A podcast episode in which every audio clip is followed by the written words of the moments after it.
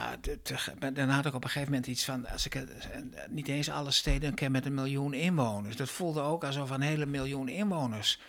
Niet omdat ik nou zo belangrijk ben, maar gewoon zo, als, als, als een enorm gat in mijn wereld. Dus ik had zo iets, ik moet in elk geval alle steden met een miljoen inwoners kennen. Maar op een gegeven moment denk ik, ja, honderdduizend mensen is nog steeds veel. Dus dat, dat, dat zijn idiote eh, constructies die je maakt om, om overzicht te hebben, om het volledig te krijgen. Je hoort Menno Oosterhof. Hij is een psychiater met een dwangstoornis. Een deel van zijn leven ging verloren, tussen haakjes, aan dwanghandelingen. Dwanghandelingen zoals het maken van eindeloze lijstjes om alles maar compleet te hebben.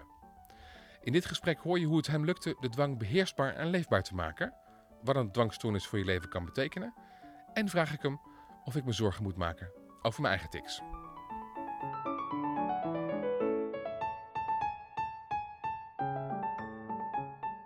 Je luistert naar Podcast Ui, de plek waar we schilverschillend leven afbellen en met de snippers van die ui het hele leven op smaak brengen. Mijn naam is Basti Baroncini en in elke aflevering praat ik met iemand die naar de hel ging, maar ook weer terugkwam met prachtige levenslessen. Aan hem of haar stel ik de vraag: welk licht vond jij in het donker? Goed, Menno Oosterhof dus. Hij is zo breed onderlegd dat het makkelijk is om grote thema's aan te raken. En dat doen we dus ook verderop in het gesprek. Maar eerst vraag ik hem wat nou eigenlijk de eerste tekenen waren van wat later een dwangstoornis bleek te zijn.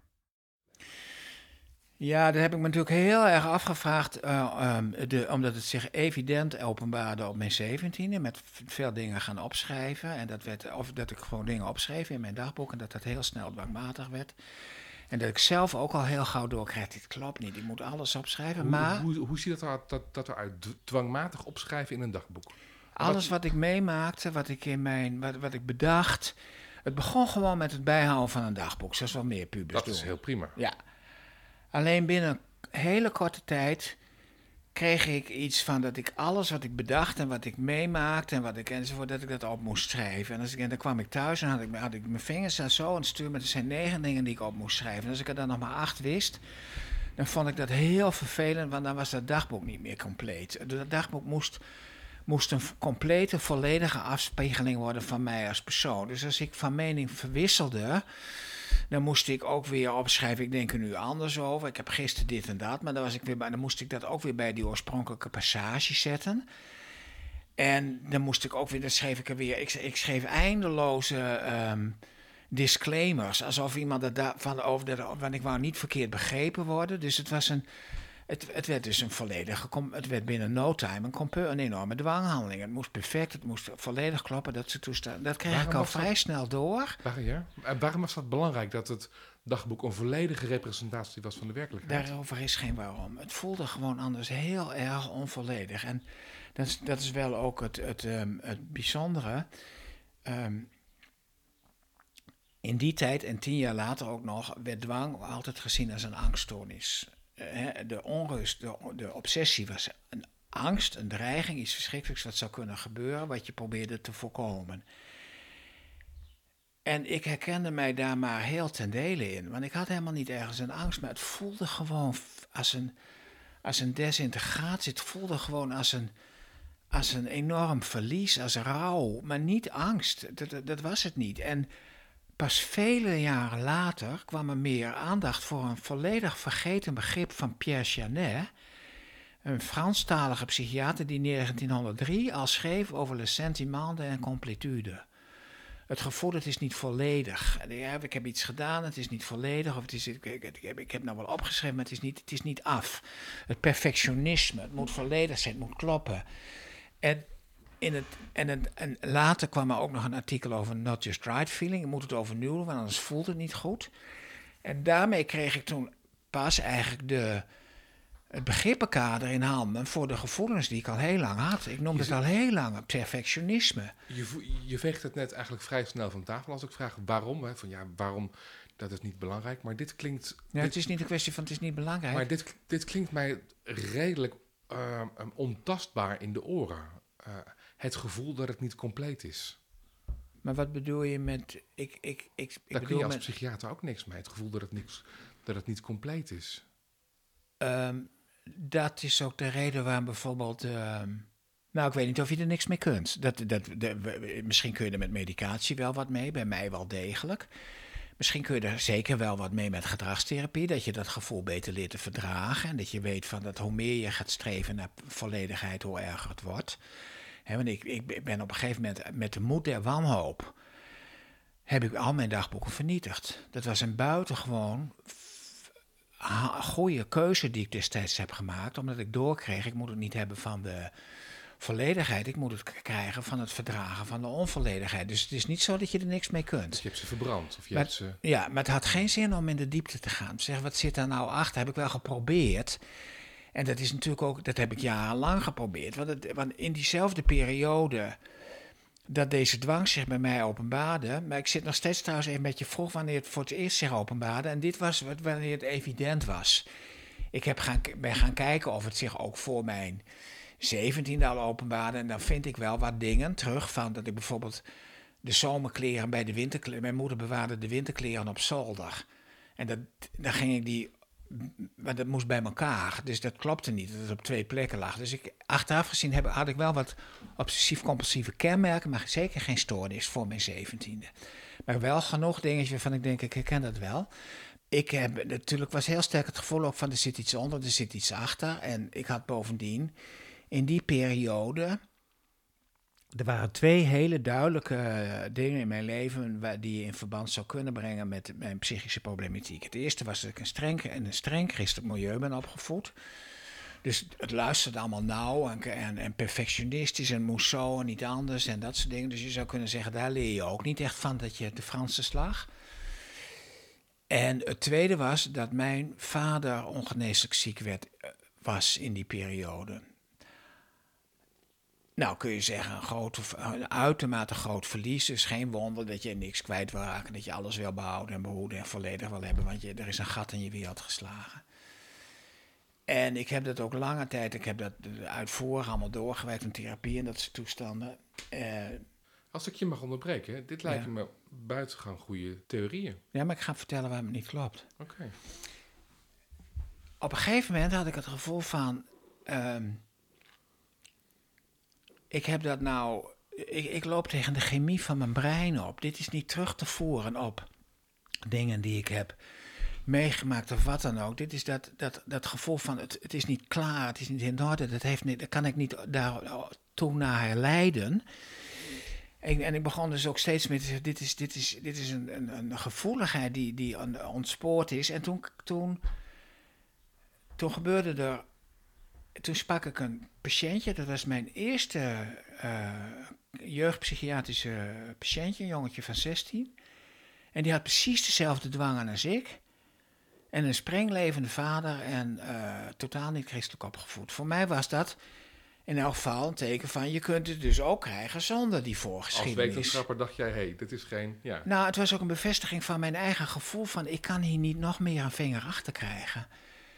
Daarnaast, en dat heb ik vooral ook toen ik mijn boek ook nog weer schreef, maar ook eh, ging ik doorkrijgen, wacht eventjes, de zomer voorafgaand aan dat mijn vader ziek werd, had ik eigenlijk ook al iets wat ik pas veel later als dwang herkende, scrupuleuze OCD. Namelijk dat ik, scrupuleuze OCD is dat je ook in gewetensvolle opzicht perfectionistisch moet zijn. Dus je mag, er een soort morele smetvrees, er mag niks aan je mankeren. Je moet zuiver zijn als mens. Ja, precies, inderdaad. En toen dacht ik, toen had ik namelijk, ik had toen waterpokken gehad. En ik had het heel erg gehad. En echt, ik werd er gek van. Ik zat eronder, onder de jeuk. En dacht ik, wat een geluk dat ik in een westers land leef. Dit gaat weer over en je zult maar lepra hebben. En, en ik was natuurlijk bekend met, onder andere door de Bijbel, ook de melaatsheid. En ik was natuurlijk een... een, een ehm, eh, en ik, ik besloot om mijn verjaardagscadeau te schenken aan het Leprafonds. Daar kun je van alles van vinden, maar op zich kwam dat best uit een, een zuiver impuls. Een goed hart. Ja. Ja. Maar toen kwam de dwang en die zei, die vond het namelijk goed van mij dat ik dat deed. Maar in de Bijbel staat ook, als je, laat je linkerhand niet weten wat je rechter heeft gegeven. Maar mijn hele lijf wist dat ik dat had gegeven. Ik was ervan doordrongen. Ja, volkomen menselijk en logisch en normaal natuurlijk. Maar mijn dwang nam daar geen genoegen mee. Dus die vond het slecht dat ik het goed vond dat ik het deed. Vervolgens vond ik het wel weer goed. Dat ik het slecht vond. Dat ik het goed vond. Nou, lang verhaal kort. Ik zocht dus naar een volstrekt zuivere motivatie. En die vond ik niet. Die zijn er ook niet. Er zit altijd. En dan heb je natuurlijk die puberdingen. Alles is. is uh, je doet het, als je iets goed doet voor een ander, doe je het ook voor jezelf. Klopt. Waar, het, het, is niet zo dat er. Je, je, zuiver altruïstische dingen bestaan amper. Hoeft, hoeft ook niet. Maar dat wist ik toen nog niet. Snap ik. Je hebt nu twee voorbeelden gegeven van hoe het zich bij jou uit. Ja. Of, of, heeft geuit. Ja. Uh, de dagboeken. En in dit geval hoe je dan omgaat met zo'n verjaardagscadeau. Ja. Um, kun je nog een paar andere voorbeelden geven van hoe een dwangstoornis zich bij jou uit? In kleine dingen of in grote dingen? Wat gebeurt er in je hoofd ook vooral? Nou, kijk, het. Um, bij mij. Um, vooral in.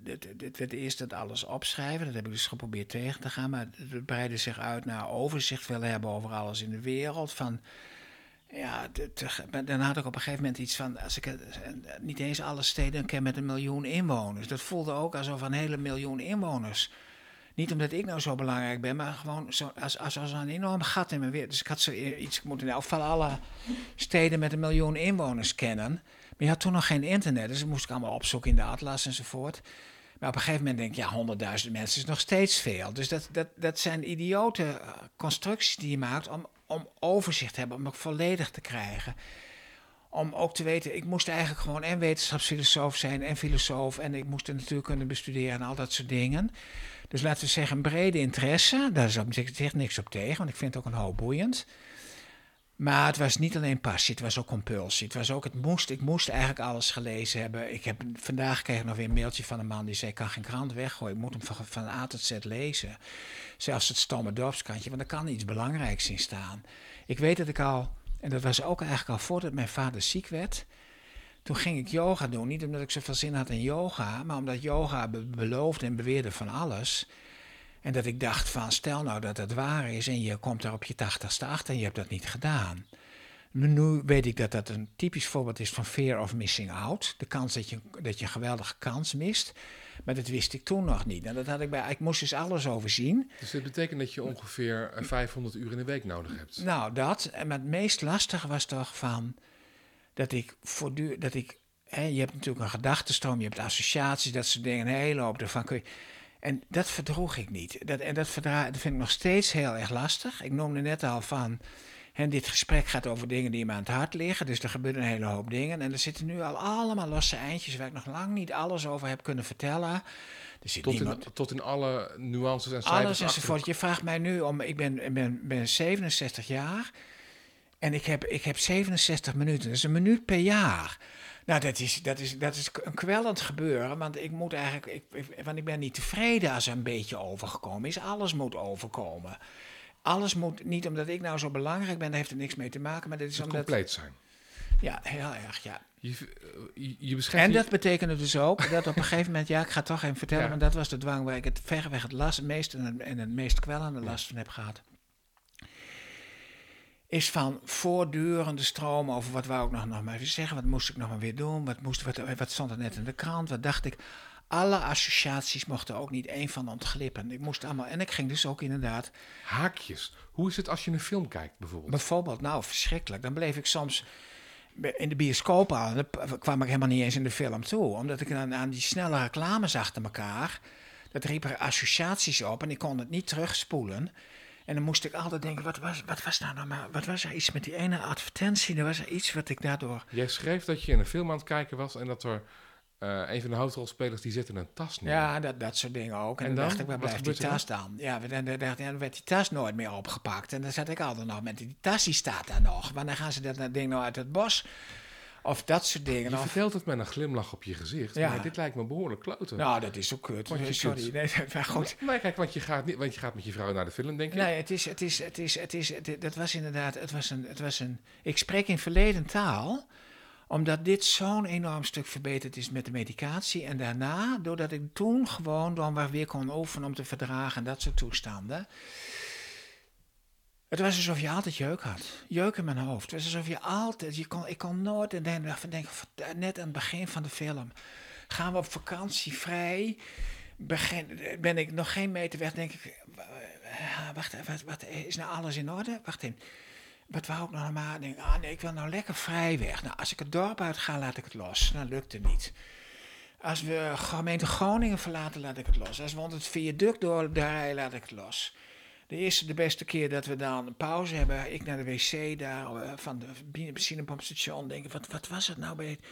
Nou, soms was ik dan, toen kwamen we aan s'avonds daar. Heb je, op deze, heb je op deze manier heel veel meer geleefd dan andere mensen? Of heb je veel meer gemist? Nou, ik zei altijd, dwang is inderdaad, je hebt er een baan naast. Je hebt voortdurend, want ik ben namelijk, dat vond ik ook altijd zo lastig als mensen zeiden. Mijn vrouw zei, je bent heel gelukkig, maar je komt er niet aan toe.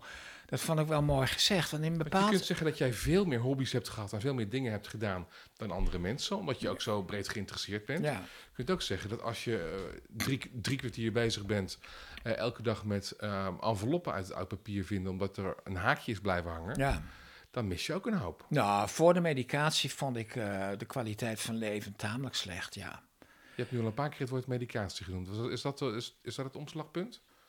Ja, ik denk voor mij wel dat dat. Uh, ja? Ik denk ook dat ik, heb, ik had het boek ook nooit kunnen schrijven. Ik, ik zat toen. Wat doet medicatie met jou? Uh, het maakte wij de. Hè, dat, dat gevoel van dat er iets wezenlijks mist en dat je dat echt moet en per se maakt het minder luid. Hè? Ik noemde het vals alarm of jeuk. Je kunt het, ik, ik vind deze vorm vind ik beter te omschrijven met jeuk in je hoofd. De jeuk nam wat af. En doordat die verdraaglijker werd, ging ik minder streven naar volledigheid en werd ik beter in het verdragen van. Hè? Um, als ik op vakantie ging, was ik drie dagen bezig met pakken. Omdat ik natuurlijk alles bij me moest hebben. Hmm. Het leukste boeken, dat soort dingen, de beste kleren. Dat was zeker niet na een jaar medicatie over. En nu kan ik het in een kwartier. Dus, dus het begon in het klein, maar langzamerhand werd ik steeds beter weer in, zo, in, het, in het in het maar laten en in geen lijstjes Je bent begonnen met medicatie. Dat was echt de grote, de grote winst. Daarna, vertelde je net, kwam er uh, het leren verdragen.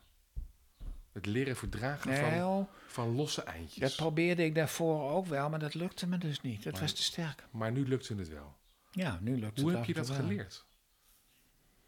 Verdragen.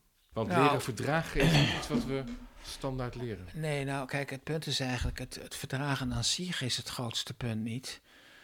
Dat is bij dwang heel sterk zo. Het is de aanloop er naartoe. Hoe krijg je de geest om inderdaad te denken, ik doe niet langer, laat het los. Ik, dat, dat, weet ik nog steeds niet. Soms lukt het wel.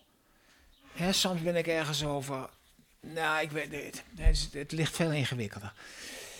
Um, de vraag is, hoe verdraag je? Hoe nou, dat vind ik nog steeds moeilijk. Ik vind het nog steeds moeilijk. Het is op een of andere manier... Het punt is namelijk, als je op een gegeven moment het, de bereidheid hebt om het, om het te verdragen... dan is het soms ook heel vrij snel weer weg. Dat echte gevoel van desintegratie vind ik nog steeds niet echt goed te verdragen.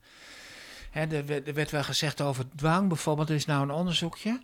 Kunnen mensen meedoen en dat um, online... en daar hebben ze het over... en dat wordt ook wel gezegd, hè, dwang is is uh, intolerance of uncertainty. Dus een onverdraaglijkheid voor onzekerheid. En ik heb ook tegen die onderzoeker gezegd, dat klopt niet. Het is een hyper-awareness of uncertainty. Maar die uncertainty is niet te verdragen. Dat gevoel van on onvolledigheid, dat gevoel van desintegratie, daar wen je nooit aan. Want ik bedoel, dat, dat gaf mij het gevoel van, van ik heb wel eens gezegd, en dat vind ik te gênant voor woorden, maar het, het, het, vereist, de het bereidheid voortdurend om te sterven. Dat leeft niet leuk, want zo voelt het. als je, iemand zei een keer, het voelt als een onverdraaglijk verlies. En nou, je weet, als je, als je iets, een dierbaar hebt verloren of wat dan ook, dan heb je even het gevoel dat het allemaal geen zin meer heeft, dat er niks meer toe to doet. Dat ze, het beeld wat Zo'n gevoel was het. Snap het, maar het, het beeld wat ook naar voren komt, nu wat je zegt, is dat het niet reëel is. Nee, het is absoluut niet. Nou, dat. dat wacht, ho, ho, ho, ho, wacht even, wacht even, wacht even. Met het uitzoeken om te sterven, dat is toch helemaal niet wat er aan de hand is? Nee, maar wacht even. Dit is een leuke. Ik wacht. het is voor je, het is verstandelijk gezien beslist niet reëel. Ja. Maar gevoelsmatig gezien is het meer dan reëel. En dat is het probleem. Dat noemen ze, hè? Dat is, dat is, ik zeg altijd, je weet het wel met je hoofd, maar je weet het niet met je hart. Dat is het probleem bij angststoornissen en bij dwangstoornissen. Dat het een, een waan is van het gevoelsleven. Bij, de, bij de psychose heb je een waan van je denken. Dan ga je echt denken van, hebben ze nou over wat dan ook enzovoort. En bij, je, bij, bij de dwang zit het veel meer in de beleving. Het, je weet heel donders goed. Ik weet, ik ben, nou- ik ben nou... Uh, ik heb medicatie, dus het is al minder sterk. Ik heb inmiddels 47 jaar dwang.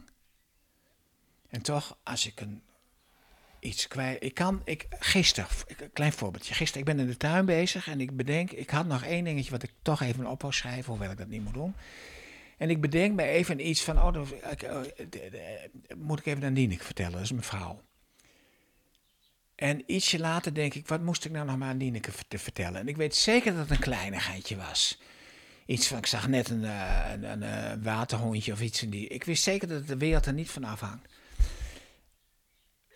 het voelt als zo ongelooflijk verpestend en klotig dat ik dat dan niet weet. En denk ik ook loslaten, loslaten. En, het is mij gisteren, het, het, hing erom. Of het ging lukken, ja of nee. En toen herinnerde ik me weer van, oh ja, het was dat ik dit en dat en dit, zoals je het nu omschrijft, is dit ook het verschil tussen de hemel en de hel bijna? Nou, het is, nou, de hemel en de hel vind ik sterke woorden, maar het is echt heel naar. Ja, het is echt heel vervelend, ja. Dus het is inderdaad in die zin. Maar wacht even, wacht even. Want er zijn, het gekke is. Geluk is niet, maar daar ben ik het ook niet helemaal eens met de hemel en de hel. Geluk is niet een eendimensionaal iets. Op een bepaalde manier had ik voortdurend jeuk en dat soort toestanden. En op een bepaalde manier had ik ook gewoon nog maar een leven met vrienden en plezier en een hobby en interessante dingen en dat soort dingen. Een goede baan. En een goede baan. En, en, dus had ik, een, ik, heb een, ik heb over mijn leven, behalve dit, totaal niet te klagen. Integendeel, ik ben een gezegend mens. Dus daarom vond ik het ook altijd zo moeilijk. Om een bepaalde manier ben ik heel erg gelukkig. En daar heb ik ten volle geleefd. Maar een groot deel van mijn leven ben jeuk. Ja, tel dat maar eens op. Dat kun je niet optellen. Gaan we nog even kijken naar een dwangstoornis. Als je wat verder uitzoomt. En nog iets verder en nog iets verder. Wat, waar gaat het dan eigenlijk over, een dwangstoornis? Kijk, Verstijk heeft een proefschrift geschreven, dat heet Het Wezen van de Dwang, uh, van de Angst. Hij heeft het nooit verdedigd, want het duurde hem te lang voordat uh, Rumke, de hoogleraar, het had nagekeken. En toen was hij te lang weer vergeten. Zei ik wil niet uh, dat ik zelf niet meer weet waar het over gaat. Sprak ook wel iets van irritatie uit, het is later uitgebracht als een boek. En dat vond ik prachtig, dat je nog in die tijd kon nog schrijven over het wezen van de, van de angst. Tegenwoordig is dat veel minder gebruikelijk. Maar natuurlijk heb ik mij veel afgevraagd, wat is nou het wezen van de dwang? En ik wil daar ook ooit nog eens een boek over schrijven. Dat heet Diepgang en dooddoeners.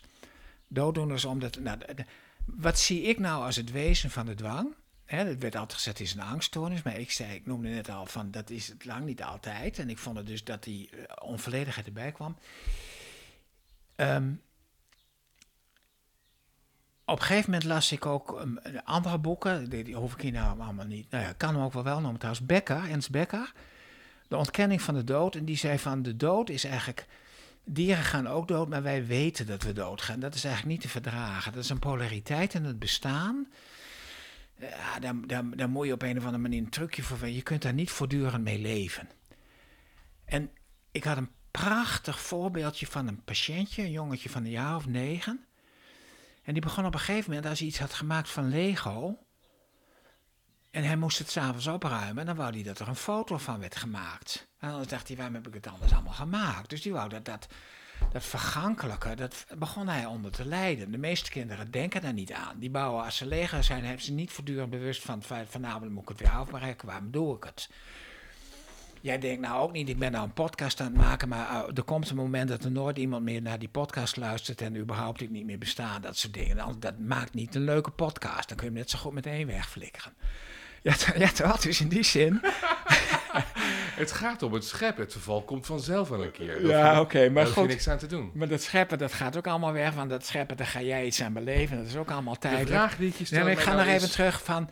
Het wat is, is een dwangstoornis ten Nou goed, dus Ernst Becker zegt de, de, de existentiëleheid van de. Nee, even terug naar dat jongetje. Dat jongetje werd zich van die vergankelijkheid overmatig bewust. Op een gegeven moment zag hij zijn voetsporen langs het vloed bij, langs het, uh, langs het, uh, um, het strand? Het strand bij App. En ze hadden langs de vloedlijn gelopen. En toen werd hij er helemaal somber van, maar dat zou uitgewist worden. En dus, dus nou, ik denk dat je zou kunnen zeggen, het is een hyper-awareness van de, voor de existentiële problemen van het bestaan. De meeste mensen zeggen, ja, daar moet je niet over nadenken. Of ja, dat, ja, dat gaat, gaat wel over. En als je bijvoorbeeld zegt, ja, maar het zou toch heel wezenlijk kunnen zijn. Of ja, nee, maar dat is niet belangrijk. En dat lukt, dat lukt. Mensen bij dwangslaten gaan dingen als te wezenlijk beleven. Of beleven het wezenlijke ervan. En van, ik weet dat die opmerking die ik aan mijn vrouw moest stellen die, is niet, die, was, die ging ik als wezenlijk beleven en het was niet juist. Maar je kunt wel doorredeneren van wat is eigenlijk wel. Maar, je kunt, maar bijvoorbeeld een moeder die. die, die dus als ik het ontzettend. Begrijp, nee, ik, dit, dit, verdraag ik niet. Nee? Nee, dus die moeder moest, die, die zei: Mijn zoon is het allerbelangrijkste. Ja. Dat is echt wezenlijk. Dus een overmatige bezorgdheid voor hem bestaat niet. Maar daardoor was ze, had ze geen leven meer. Dus dat is het punt. Je moet een zekere mate van de rafeleindjes van het bestaan toelaten. En dat lukt bij dwang moeilijk. Dus de imperfectie, de onvolledigheid jullie, zeg maar, als, ik, als ik mag praten over wij en jullie. Ik weet niet of jij helemaal terecht. Ja, okay, maar uh, dat is, uh, jullie oefenen gewoon wat meer in, in het thema van de vergankelijkheid. Nou, niet de vergankelijkheid. De vergankelijkheid is de onvolledigheid van de, van de, van de, van de, van de duur. Maar het kan ook de onvolledigheid zijn van de zekerheid. Dan heb je te twijfelen over de onvolledigheid van de volkomenheid. En dan heb je de perfectie. Ik denk dat we, de dat we moeten oefenen in het verdragen van de onvolledigheid. Waarom? Omdat je dan weer, omdat je, je moet dat opvullen met vertrouwen.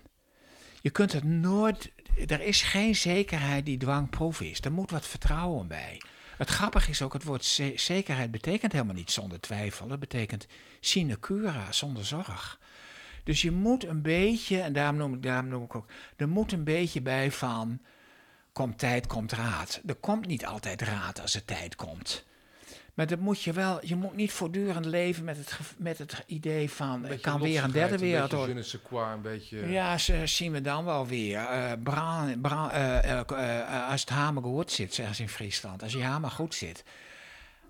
Als je echt gaat nadenken en je gaat denken, er valt natuurlijk een keer, komt een keer wel een Saddam Hussein aan een atoombom. Het gaat natuurlijk een keer mis kijk naar wat er gebeurd is in de geschiedenis, Auschwitz, het is, daar, valt niet mee te leven. Dus je moet toch een beetje zeggen, er is een onvoorstelbare polariteit en we wij moeten er een beetje tussendoor. We, we, hebben het ook over controle.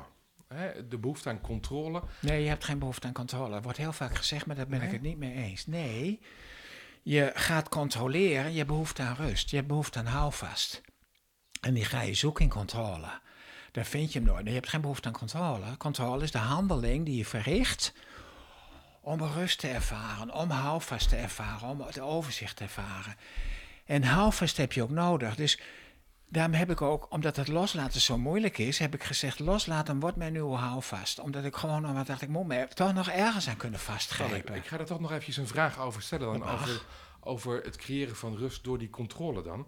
Zegt het ook iets over onze maatschappij? Over hoe wij omgaan met.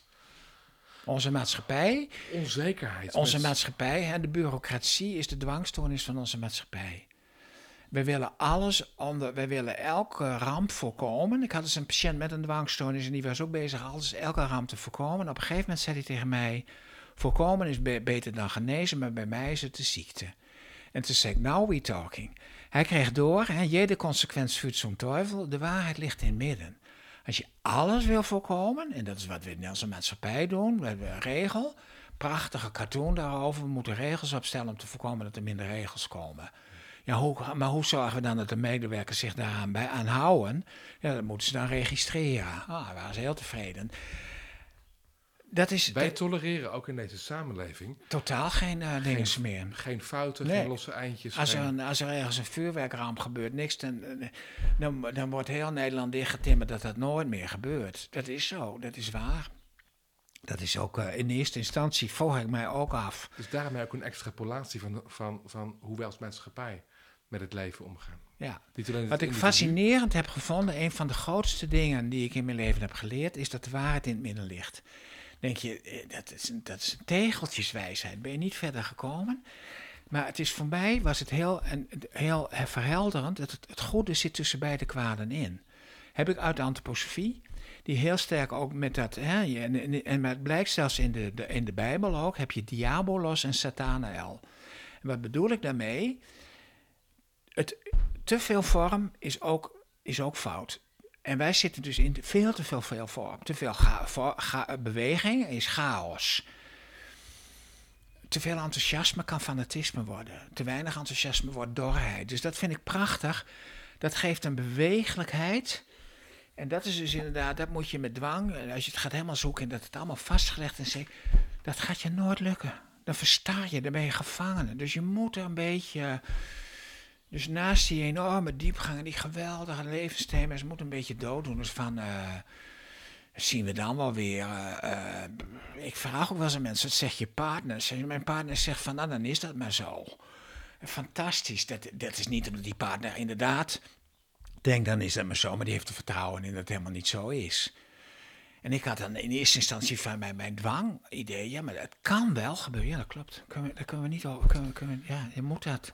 Als ik naar mezelf kijk, dan... eh, ik, in aanloop naar dit gesprek ging ik ook eventjes nadenken hoe dat bij mij nou eigenlijk zit. Als ik onder de douche sta, dan moet ik eigenlijk, eigenlijk altijd één keer, voor, één keer vooruit spugen. één keer opzij en één keer achterwaarts. Ja. Anders is, het, eh, is, ja, is de douchebeurt niet goed. Ik leid er niet onder of zo. Nee. Het is niet dat het mijn functioneren beperkt. Nee. Maar als ik het niet doe, dan ja, klopt er toch iets niet helemaal. Ja. Ik knipper ook veel met mijn ogen. Soms een aantal weken wat meer dan andere weken. Ja. Maar ik heb regelmatig dat ik mijn ogen zo eventjes dicht doe. ja, ik had het, had het gezien. Ja. Ja, is, dat een, is dat een... Als je kijkt, hè, als, eh, dit zijn natuurlijk altijd ook altijd dingen in een normaalverdeling. Hè? Ja. Je hebt het een beetje of je hebt het wat erger. ja. Ben ik al onderweg? Nee. Kijk, het geldt voor alle psychische aandoeningen dat de afgrenzing naar het normale dimensionele is en het niet categoriaal. Sorry, wat? Nee, dat ga ik uitleggen. Dus het is geleidelijk en niet dat je zegt van. ehm, kijk, de, de categoriaal is van je bent wel of niet zwanger. Je bent niet een beetje zwanger. Ja. Maar, je, maar, maar je kunt wel, ook een normaal iemand die verder nergens last van heeft, hoort wel eens een keer een stem of heeft wel eens een keer een, een, een waanachtig idee of wat dan ook. Of iemand die zegt, oh, is moe is, kan zich slecht concentreren. Dus we kunnen allemaal. Hè, het laatste woord van alle aandoeningen is ook disorder. Dus het is pas een stoornis op het moment dat het ons functioneren en welbevinden verstoort. Hè, we weten, heel veel topsporters hebben ook dwanghandelingen, dat soort dingen. Ik moet wel zeggen, dat zo spugen naar links, rechts. Ik denk dat is wel qua handeling iets wat wijst op een kwetsbaarheid in een bepaalde richting. Dus als jij zegt, nou, maar ik heb verder nergens last van, dan zeg ik mooi, hou zo. En de kans dat je het nu nog ontwikkelt is heel erg klein. Maar ik, de blijf, meeste, ik blijf me gewoon douchen. Dus, daar, hè, dus daar ook dat nog. Dus in die zin, kijk, het is wel zo. ehm, Maar een kwetsbaarheid. Dus ik ben wel... maar de, de, kan- maar nee, nee, maar wat ik, de meeste psychische aandoeningen ontwikkelen zich voor het 25ste jaar. Dat geldt zeker voor dwang. Dus dat ga je nu niet meer ontwikkelen. Die kans is buitengewoon klein. Maar het zijn wel tics. Het, de, dat knipperen met je ogen is een tik. Ja. Ja. En lijkt dat er een beetje op? Op wat? Op, op dwang? Ja, tikstoornissen gaan voor 50% eh, eh, samen met dwangstoornissen. Ja, dat is eh, de early onset OCD, dus de dwang die begint voor het 15 jaar. Daarvan is ook heel vaak sprake van tics. En andersom is het zo dat mensen die tics hebben, en de meest bekende vorm daarvan is Gilles de la Tourette. Die Tourette die verdwijnt, verbleekt heel vaak en de dwang die wordt soms juist erger. Heel veel mensen met tics hebben ook dwang. Dus die tics, samengestelde tics, Ja. dranghandelingen, not just right feeling-achtige dingen. En vervolgens, de- dat- dat gaat geleidelijk in elkaar over. Ja. En vooral die, hè, wat ik net ook noemde, die, door, die, die not just right feeling-achtige dingen. En ehm, ehm, die tics die zijn vermoedelijk Tourette of dwang gerelateerd, of zo die tik gerelateerd. En ik heb zelf volgens mij geen duidelijke tics, maar, maar ik ben wel een enorme keelschaper en ik maak wel altijd geluid en dat soort dingen. Dus in die zin, en tics is bijvoorbeeld kuch of ge- keelgeluidjes maken of dat soort dingen, of of het aan je lijf allemaal wel goed zit. Dat ehm, Komt, Is dat erg? Nee, is allemaal niet erg. Nee, het is pas erg als het Als je verstoord is voor het, voor het, het, wijst alleen ergens op. En ik zie het wel in mijn familie, zie ik dus de tics wel. En zie ik wel die hele erfelijke gevoeligheid ook overduidelijk terug. Ook de dwangstoornissen trouwens hoor. Gaan we toch eventjes terug weer naar eh, dwang. Ho- Hoe moet je daarmee omgaan? Misschien moet ik hem anders inkleden. Jij vertelde, of jij schreef in je boek, of je maakt een vergelijking met een schooiende hond. Nou, ik, ik, ik, wist, ik kan me de vergelijking niet eens herinneren. Maar ik neem aan dat ik bedoeld heb dat als je een hond die schooit te eten geeft, dat hij steeds meer gaat strooien. Ja. Dus moet je hem uithongeren. Nou, het honger is wel weer het andere. Ja, voor dwang geldt dat wel. Kijk, hoe meer je... Kijk, de tragiek is dat je voelt onrust. Dus het is begrijpelijk dat je probeert die onrust weg te nemen. En dat helpt op korte termijn, op lange termijn word je steeds gevoeliger voor de onvolledigheid. Je wordt steeds scherper erin. Hè? Dus als iemand bijvoorbeeld ehm preciezerig is, maar daar blijft het bij, nou, geen enkel probleem. Maar mensen met dwang, die, die, die, dat valse alarm blijft aanstaan. Dus in die zin gaan ze steeds, dat wordt steeds luider alleen. Ze gaan het alarm eigenlijk steeds. Ik weet niet, kijk, dat komt denk ik. die metafoor uitleggen? Ja, dat het zal, ik uit. Kijk, ehm, je gehoor wordt steeds gevoeliger. Ik hoorde ik nou wat? Hoorde, hoor ik nou toch nog weer wat? En, en, en, en, en hoe, hoe dat mechanisme precies zit, ik denk dat het vooral te maken heeft met het feit dat je doordat je het op, op zekerheid, ik heb het in mijn boek ook gezegd, je krijgt atrofie van je vertrouwen. Je oefent het vertrouwen niet meer. Je oefent niet meer dat je denkt, ah, dat valt van mij, ah, dat is niks. Dus je verleert de Franse slag. Je krijgt, ik, ik heb het ook genoemd van, dat je eh, eigenlijk de mazen van het net worden steeds kleiner en je krijgt steeds meer waardeloze bijvangst. Hoe meer ik ging opschrijven, hoe klein, dat is nou trouwens nog steeds zo. Als ik weer teruggeef aan mijn dwang om dingen op te schrijven, denk ik, dit moet ik even onthouden. Dan onmiddellijk sta ik weer meer op scherp. Denk ik, oh, dan wil ik dit ook even onthouden. Maar ik heb nu net dat opgeschreven, dan wil ik dit ook. Dus ik verlies de, Wat ik zo fascinerend het vind. hebt- uitademfenomeen. Kijk, hebt, het- jij, jij hebt het over uitademen, je hebt het over de Franse slag. En jij hebt dus die dwangstoornis waarbij het volledig moet zijn, het compleet moet zijn. Als ik naar jou kijk, dat vind ik ook zo fascinerend in de polariteit.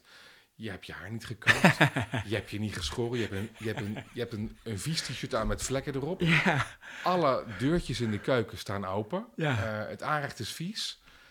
Er is hier dus eh, hoe doe je dat? nee, maar ik heb het niet op dat thema. Dus het gaat. Ja, dat is wel. Dat, dat, dat dwang is vaak heel erg domeinspecifiek. Ja. En ik heb het, gods, ik heb niks met smetvrees. Ik heb het eh, niet op dat thema. Dus bepaalde dingen, inderdaad, dat zeggen mensen ook. Nee, je ziet het dan. Ik denk, ja, ik heb het op dat, dat thema. En ik heb eens een patiënt gehad ook. En die kwam bij mij, specifiek bij mij, omdat ze wist dat ik dwang had. En die keek, eh, op een gegeven moment zei ze... ik merkte dat ze onrustig was. ja. En toen zei ik tegen haar van, eh, wat is dat? Ze zei, ze, je hebt toch ook dwang? Ik zei, ja. Toen zei ze, nou, zo ziet mijn huis er niet uit. maar zij kende maar één vorm van dwang. En ze dacht dat iedereen die vorm had, in de ordelijkheid. En daarin heb ik het niet. Daarin heb ik het niet. Nee, ik heb het, ik heb het op een andere Je manier. schreef in je boek een verhaal over een meisje. Wat een. Ja, en dan ga ik vast en zeker woorden gebruiken die niet mogen, maar die een fobie leek te hebben voor haar eigen urine.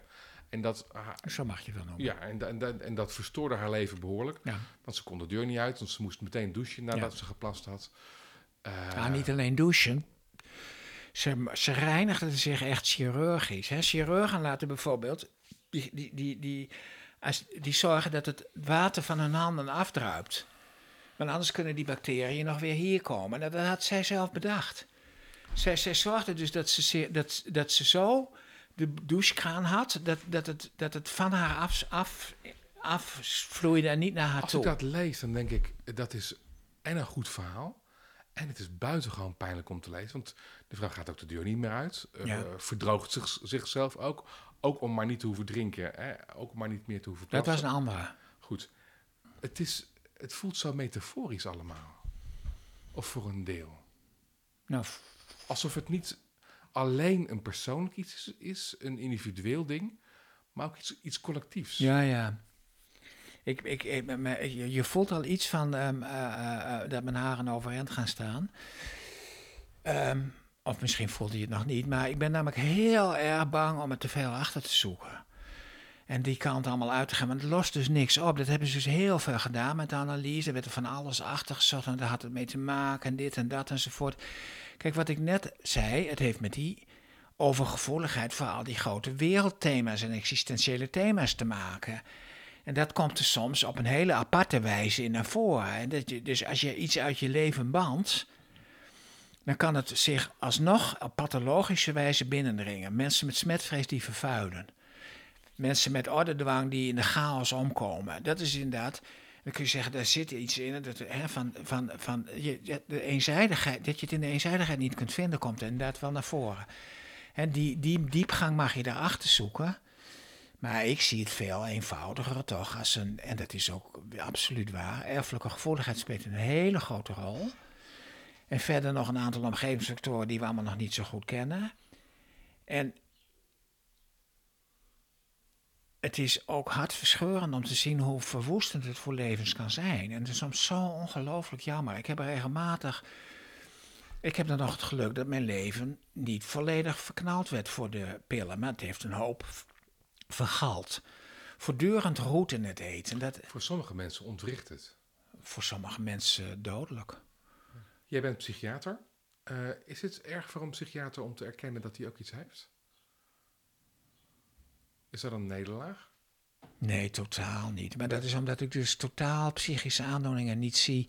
Ben jij een betere psychiater dan? Nee, maar ik wil nog even over die nederlaag. Want dat is ook, dat vond ik zo leuk van Maarten van der Weijden. Of van der Heide, die zwemmer. Ja. Die had, heeft kanker gehad. En die, en die zei van, ja, ze zeggen altijd, ik heb de strijd tegen kanker gewonnen. En dat, hij zei, maar ik heb gewoon geluk gehad. En want ik, heb helemaal, want ik, ik jammerde en, en deed niet anders van, oh, ik ga de dood aan. En, ik- ik, ging er gelukkig niet dood aan. Dus ik vind, ik vind het, dat is ook wat ik wel, ik wil uitdragen. Want voor psychische aandoeningen hebben ze dat veel meer. Van als je maar wil, het is het verschil, want het is immers psychisch. Het is een soort eil. Maar er is een psychische aandoening. Die aandoening is niet psychisch. De verschijnselen bewegen zich op het vlak van het psychische functioneren. Denken, voelen, willen en, en dat soort dingen, gedrag. De aandoening heeft net zo goed een fysieke grondslag als dat je het je schildklier hebt. Daar zit, het brein is daar enorm bij betrekken. Dat kun je niet naar believen ver- veranderen. Tussen onze oren zit geen eilucht. Wat we naar believen even leuker kunnen maken. Als je zelf doet, nou kijk maar naar je eigen karakter. Als je daar een beetje aan kunt veranderen. Dus in die zin, Als het, als het in dan die zin ben ik, ben ik daar juist. Ik ervaar tot, ik vind totaal. Ik denk, ik heb de pech dat ik een psychische aandoening heb gehad. Heb. En ik heb het geluk dat ik een psychiater was. En dat ik nu in een tijd leef waarin ik daarvoor open over kan zijn. En ik ben er eh, dat ik de schaamte voorbij ben. Maar je- mooi.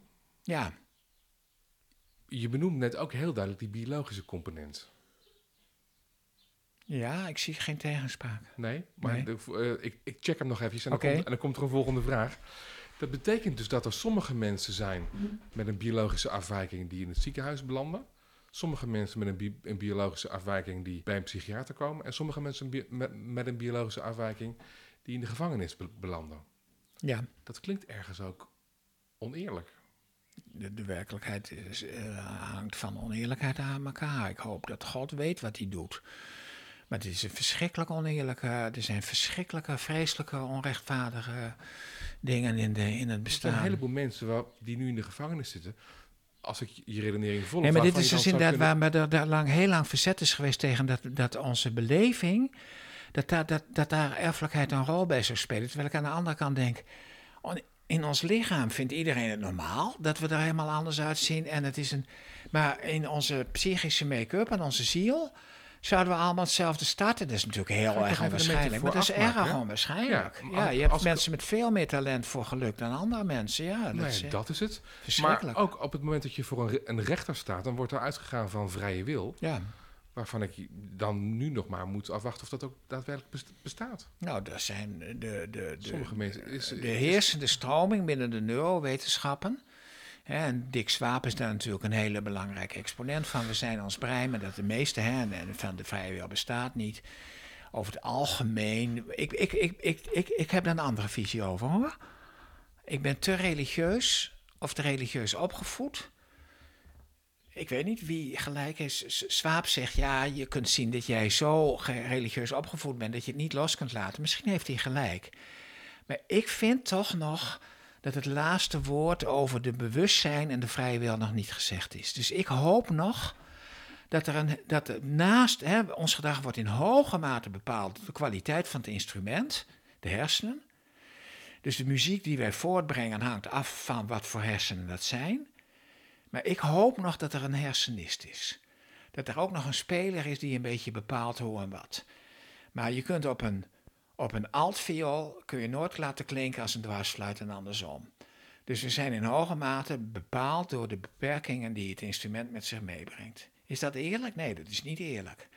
Heb je mensen, heeft het, heeft het begrip uh, toerekeningsvatbaarheid en verantwoordelijkheid, heeft dat een sterke wetenschappelijke basis? Nee, ik denk het niet. Wat mensen dan gaan zeggen is van ja, maar dan kun je mensen dus niet meer straffen. Ja, maar het gaat erover of iets waar is, ja of nee. Niet of dat hele nare gevolgen heeft. Dat zou je kunnen afvragen, hoe strafbaar mensen zijn. Dat is, hè, je, de, de, de, hele toerekeningsvatbaarheid gaat over of er een strafbare dader is. Nou, strafbaarheid is alleen maar zinvol begrip als er vrijheid is. Nou, je zou kunnen redeneren dat sommige mensen in de gevangenis zitten uh, omwille van een andere biologie.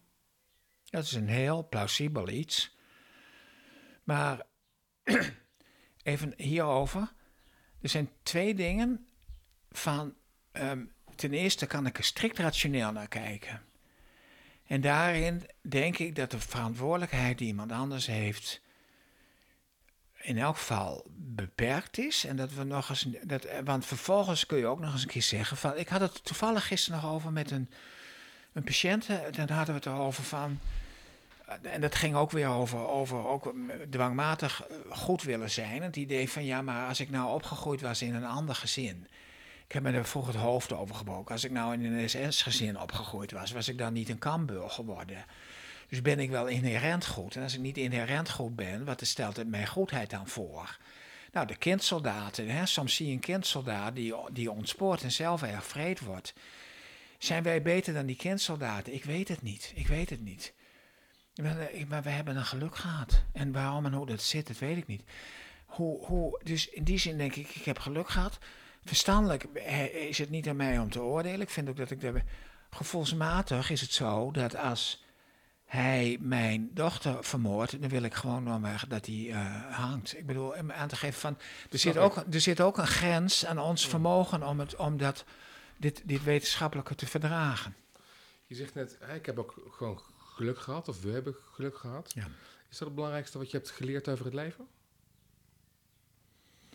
Ik hoop dat het geluk hebben nog een. Uh, dat, dat, let ik het, ik vind het prachtig dat het woord toeval. Volgens, betekent dat zoals de steen naar de aarde toevalt volgens de wetten van de zwaartekracht, vallen ons de gebeurtenissen toe volgens de wetten van het karma dan. Maar ik wil even niet karma als een soort hogere straf enzovoort. Maar laat ik het zo hopen. Ik hoop dat het niet alleen maar willekeur is. En dat er wat er gebeurt en dat het lijden wat mensen moeten lijden. En het geluk wat ze hebben, dat er ergens een grotere welrechtvaardigheid in zit. Dat hoop ik. Anders is het toch niet te verdragen. Anders lijkt het, eh, voor mij wel hoor, maar omdat wat je aan leed en ellende ziet. Maar. Um, waar we dan misschien dan pas naar de dood achterkomen. Ik, ik, ben bang dat ik, ik, had, ik had er meer van verwacht toen ik hoorde zoekt en gij zult vinden. Ik had gehoopt op een meer zekerheid in het spirituele. Ik heb wat dat betreft een hoop dingen onderzocht. Hij onderzoekt alle dingen en behoudt het goede. Uh, en uiteindelijk ben ik een ietsist, dat is een term van Ronald Plasterk. En ik vind het armzalig. Ik denk toch, en ik hou mij wanhopig vast aan bewustzijn ook omdat ik gewoon geen eindigheid wil. Maar dat is waar we het net over hadden. Dat vind ik een. Dat vind ik een ik ben daar al zo gevoelig voor, voor dit soort ik wil, dat, ik wil dat niet. Ik wil dat het op een of andere manier rechtgebreid wordt. Ik wil een hemelse vader. Dus en dat is al geen wetenschappelijk uitgangspunt. Als je gewoon wil dat het er is, dan vind je het wel. In mijn nieuwe boek wordt, gaat mijn laatste hoofdstuk Lichaam, Ziel en Geest heten. En geef ik ook aan dat ik mij ontzettend bewust ben van de subjectiviteit van mijn standpunt in deze. Ik wil niet een. Ik wil niet, ik wil niet eens. Nou, Swaap leidt daar niet onder, maar Swaap is een heel erg welgemoed iemand. En die zegt gewoon, ja, die gelooft helemaal niet in een leven na de dood. En ik wil gewoon dan wel dat wij elkaar daar tegenkomen. Menno Oosterhof, dankjewel. Oké, graag gedaan.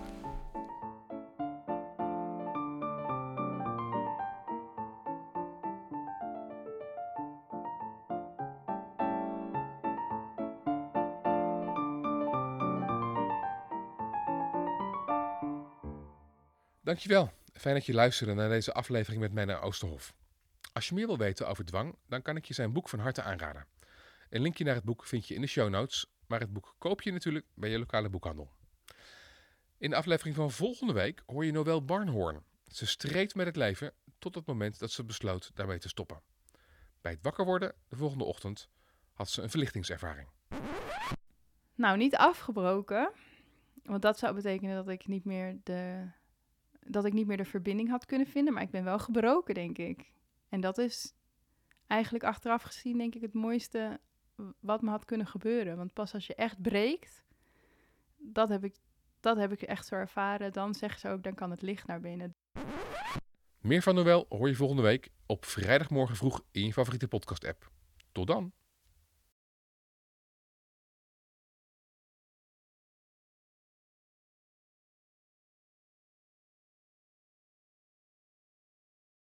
Um, je hebt me open gehaald. Dat geeft niks. Je, raakt aan allemaal thema's. En dit gaat natuurlijk, hè, dwang, maar ook mijn levensvisie. En ik heb het helemaal nog niet gehad over de antroposofie, waar ik me ook jarenlang in heb verdiept en de waarheid. En, en, en de onmogelijkheid om dit allemaal te behappen.